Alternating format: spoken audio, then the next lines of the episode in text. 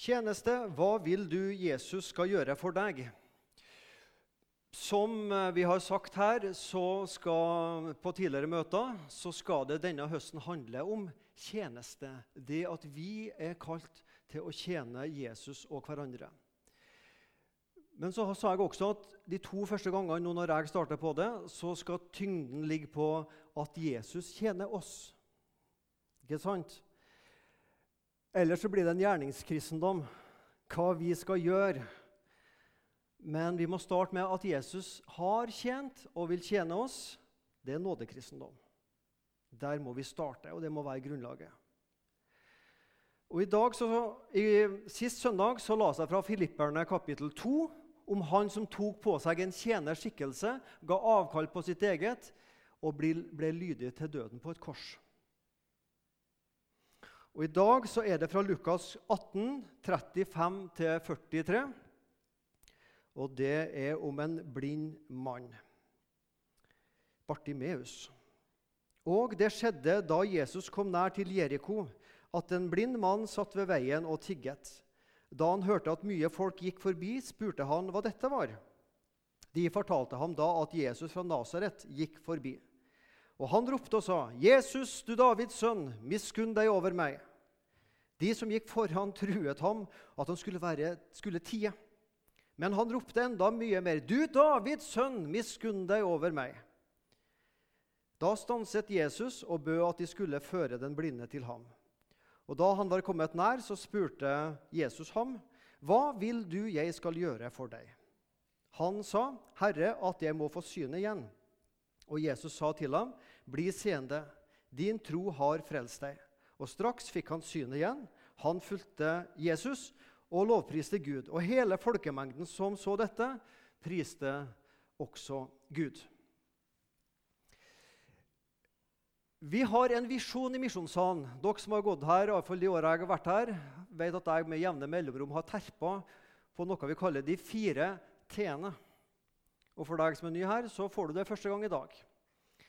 De fire t-ene sier noe om viktige verdier for oss. Første T er tro. Andre tilhøre. Nummer to, ja. Og så skal vi riktig tilbe. Og nummer fire er tjene. Tro, tilhøre, tilbe og tjene. Det er det vi driver på med i Misjonssand i Langgata 71.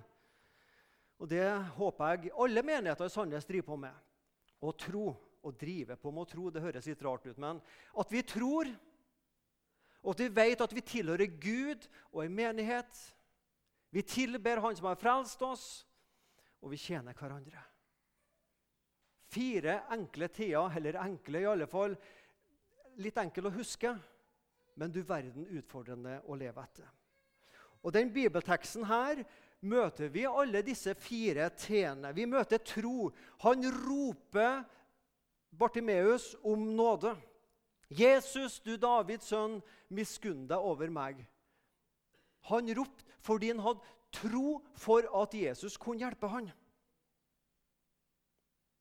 Det er bedre å rope enn å være stille. Det er ikke fint å rope til hverandre.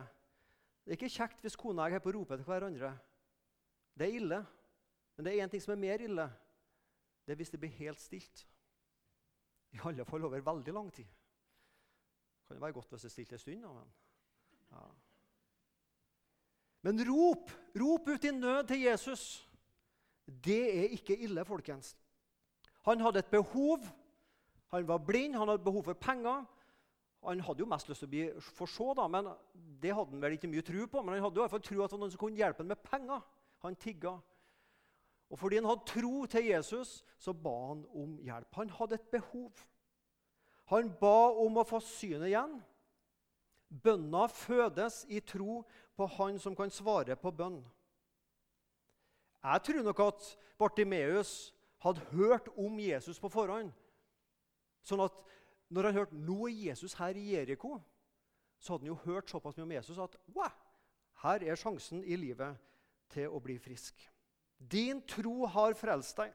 Din tro. Tro, hva er det for noe? Tro er relasjon. Vi sier av og til 'jeg tror'. Ja, men vi tror på. Tro får først betydning når det er i relasjon til noe. Jeg tror på Jesus.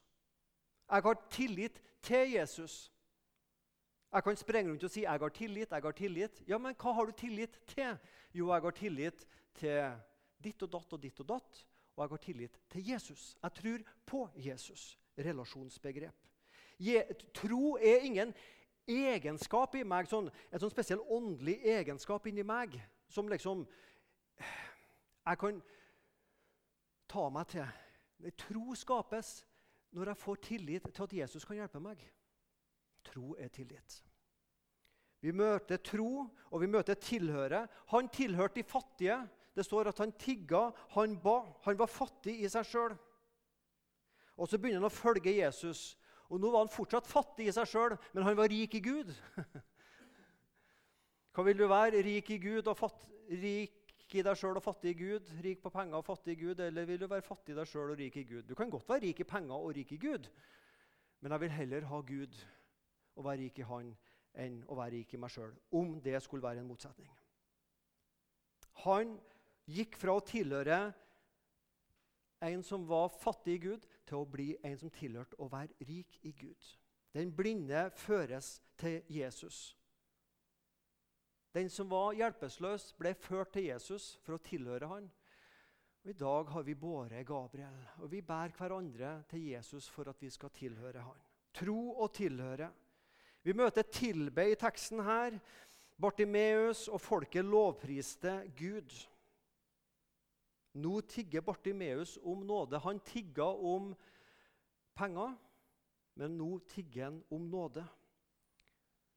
Det å bli kristen er på en måte å bli med i en tiggerbevegelse. Vi tigger om nåde, for nåde er ikke noe, noe, vi har krav på. Det er ikke noe Gud bare må stille opp med. Gud, du har bare med å gi meg nåde. Gud har ikke bare med noe som helst. Han. Men vi kan tigge om det. Vi er med i en tiggerbevegelse som tigger om nåde, og så takker vi. Vi tigger, og vi takker. Tikk-takk, sier klokka. Tigg takk takk. Sånn.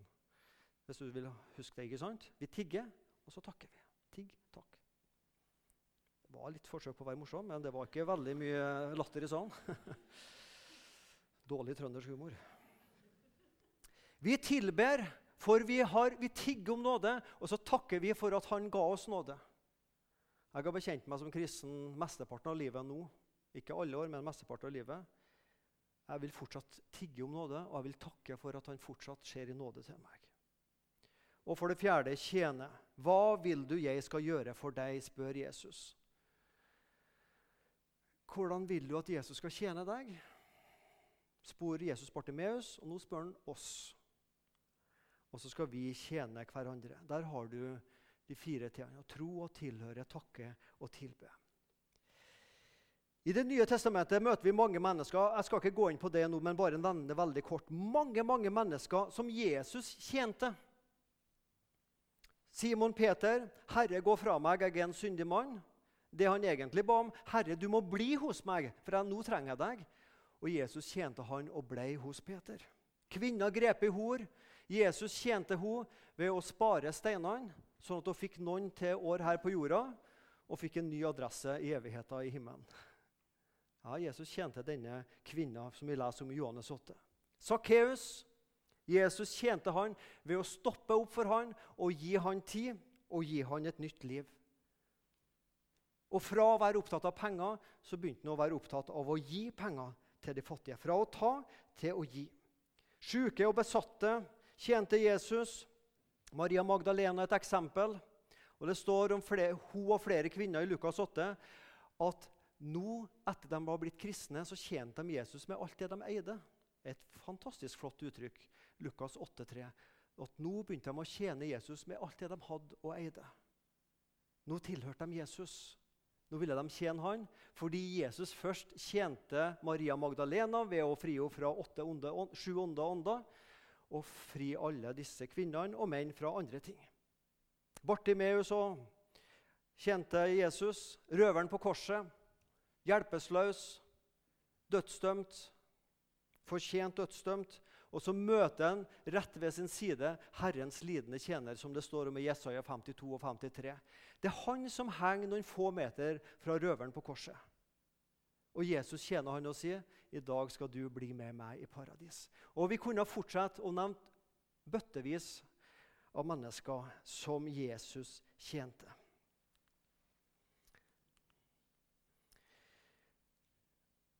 Hva vil du jeg skal gjøre for deg? Spør Jesus Bartimeus. Hvorfor spør Jesus det? Nå spør jeg deg et spørsmål. Tror du at Jesus visste hva Bartimeus hadde behov for? Eller visste Jesus ikke hva Bartimeus hadde behov for? Hva tror du? Han visste. Hadde jeg vært Peter, så hadde jeg banka Jesus på ryggen. Du herlighet, Jesus, du stiller jo ikke sånne spørsmål. Du må jo skjønne at han vil ha synet igjen. Du skal liksom hjelpe. Rart ikke Peter gjorde det, for han var jo veldig frampå av og til. Det er klart Jesus visste at, Jesus, at eh, Bartimeus ville ha synet igjen. Det var ingen overraskelse for Jesus, det. Men hvorfor stiller Jesus da spørsmål når han vet svaret? Er det bare for å ha noe å snakke om? Nei, jeg tror Jesus har en, et poeng med å stille spørsmål. Han gir mannen mulighet til å velge. Han kunne sagt jeg regner vel med at du vil få synet igjen. Men han gir mannen mulighet til å velge. Og Jesus vil at mannen sjøl skal sette ord på egne behov. Det er en fin ting med Jesus. Han hjelper oss mennesker å sette ord på våre behov.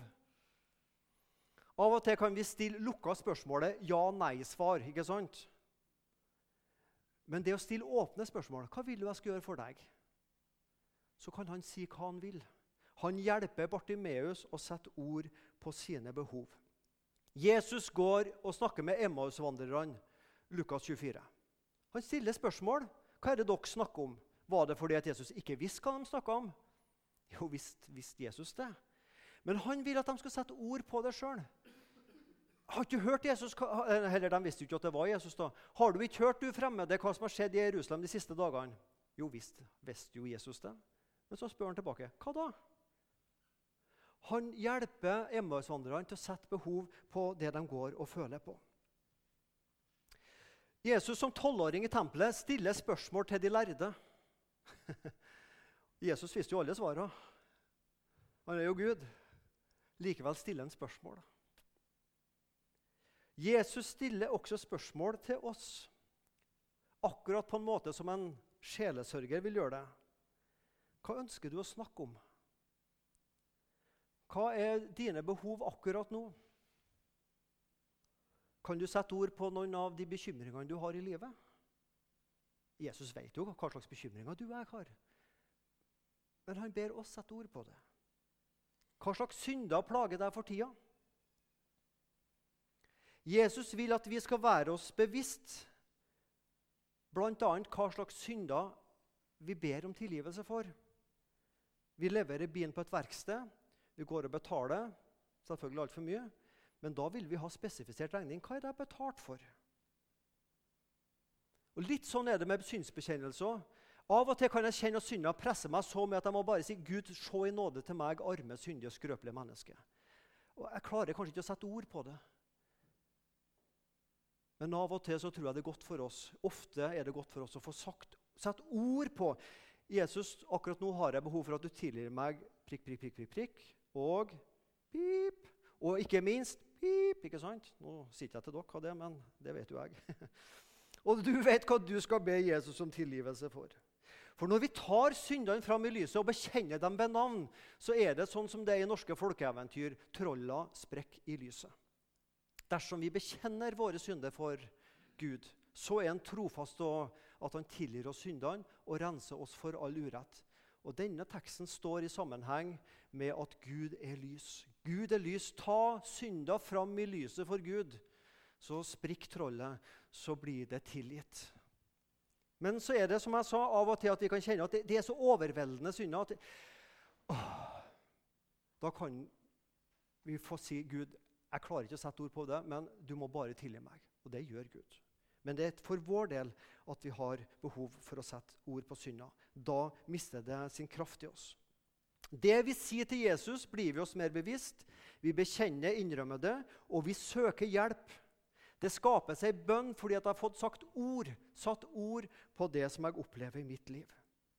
Hva vil du at Jesus skal gjøre for deg? Nå skal vi gjøre noe som, som, ikke, ofte, som ikke, jeg ofte gjør når jeg preker. Men nå skal vi ta i alle fall et halvt ett minutt stillhet. Så skal du for din egen del tenke, tenke ut en to-tre ting som du vil snakke med Jesus om. Dette vil jeg, Jesus, at du skal hjelpe meg med. Vi skal ta ca. et minutt stillhet på det. Og når vi har gjort det, så vil jeg be være så frimodig at jeg sier er det noen som har lyst til å nevne det høyt. Så noterer jeg en tre-fire ting på en lapp og så ber vi om det. Så um, ett minutt nå, og tenk etter hva vil du at Jesus skal gjøre for deg. Det var så mange som hadde øynene igjen og med folda hender at jeg hadde nesten dårlig samvittighet for å avbryte dere nå, men det er gått ca. et minutt. Vi har alle våre ting å snakke med Jesus om som 'Jesus, dette vil jeg du skal hjelpe meg med akkurat nå'. For meg handler ikke det handler gjerne om disse konkrete tingene, for all del, men det handler også om at vi må hjelpe oss å bli oss bevisst til å sette ord på et behov vi har, og løfte det fram for Jesus. Jeg prøvde for min egen del å satt og tenke litt her. Nå skal jeg ikke bruke tid på det her, men dette er ting som kom opp i mitt hode, som gjelder meg, eller som litt sånn Ikke alltid gjelder meg, men kanskje mer eller mindre. Det å bevare god helse, godt humør, mer penger, mindre lån. Mhm. Finere, sterkere kropp. Ja. Litt spøk innimellom, da, kanskje? Eller snille barn? Eller mer forståelsesfull ektefelle? Eller kanskje var det meg sjøl som jeg måtte gjøre noe med først? Sannsynligvis det siste. At laget mitt skal vinne. Det er ikke alle som trenger å be så mye om det, da, for det går bra uten at vi ber. Uff da, nei, det, det, skal jeg ikke ta med når jeg legger dette ut. Nå kjente jeg, nå ble jeg veldig hovmodig her. altså. Ja. Eh, bedre karakterer på skolen, bedre karakter, egenskaper og holdninger. Bevar meg og mine slekt fra sykdom og ulykke. mer åndelig, mer ydmyk. Ja, det jeg sa for et halvt minutt siden. Frimodig, kraft, kunnskap og visdom. At flere i familie og slekt skal møte og begynne å tro på Jesus. Framgang for misjonssalen, flere misjonærer og mer penger til NLM. Det er sånn, ja, Vi kunne gjort lista mye lenger. Og igjen, vær frimodig og sett navn på dine behov til Jesus. Tro, tilhøre, tilbe og tjene. Fire viktige verdier. En visjon og hver en menighet der vi vokser i troa som tror på Jesus, der nye kommer til tro. Der vi blir bevisst at vi tilhører Gud, ikke bare søndag mellom klokka 11 og halv 1. Hele uka gjennom. Og vi tilhører en menighet der vi er med og tar ansvar. Vi tilber Gud. Ja, men 'Jeg har ikke så mye sangstemme.' Nei, men takk og lov, tilbedelse handler ikke om sangstemme. Det handler om et hjerte som elsker Jesus for det han har gjort for oss, og som er med å tjene.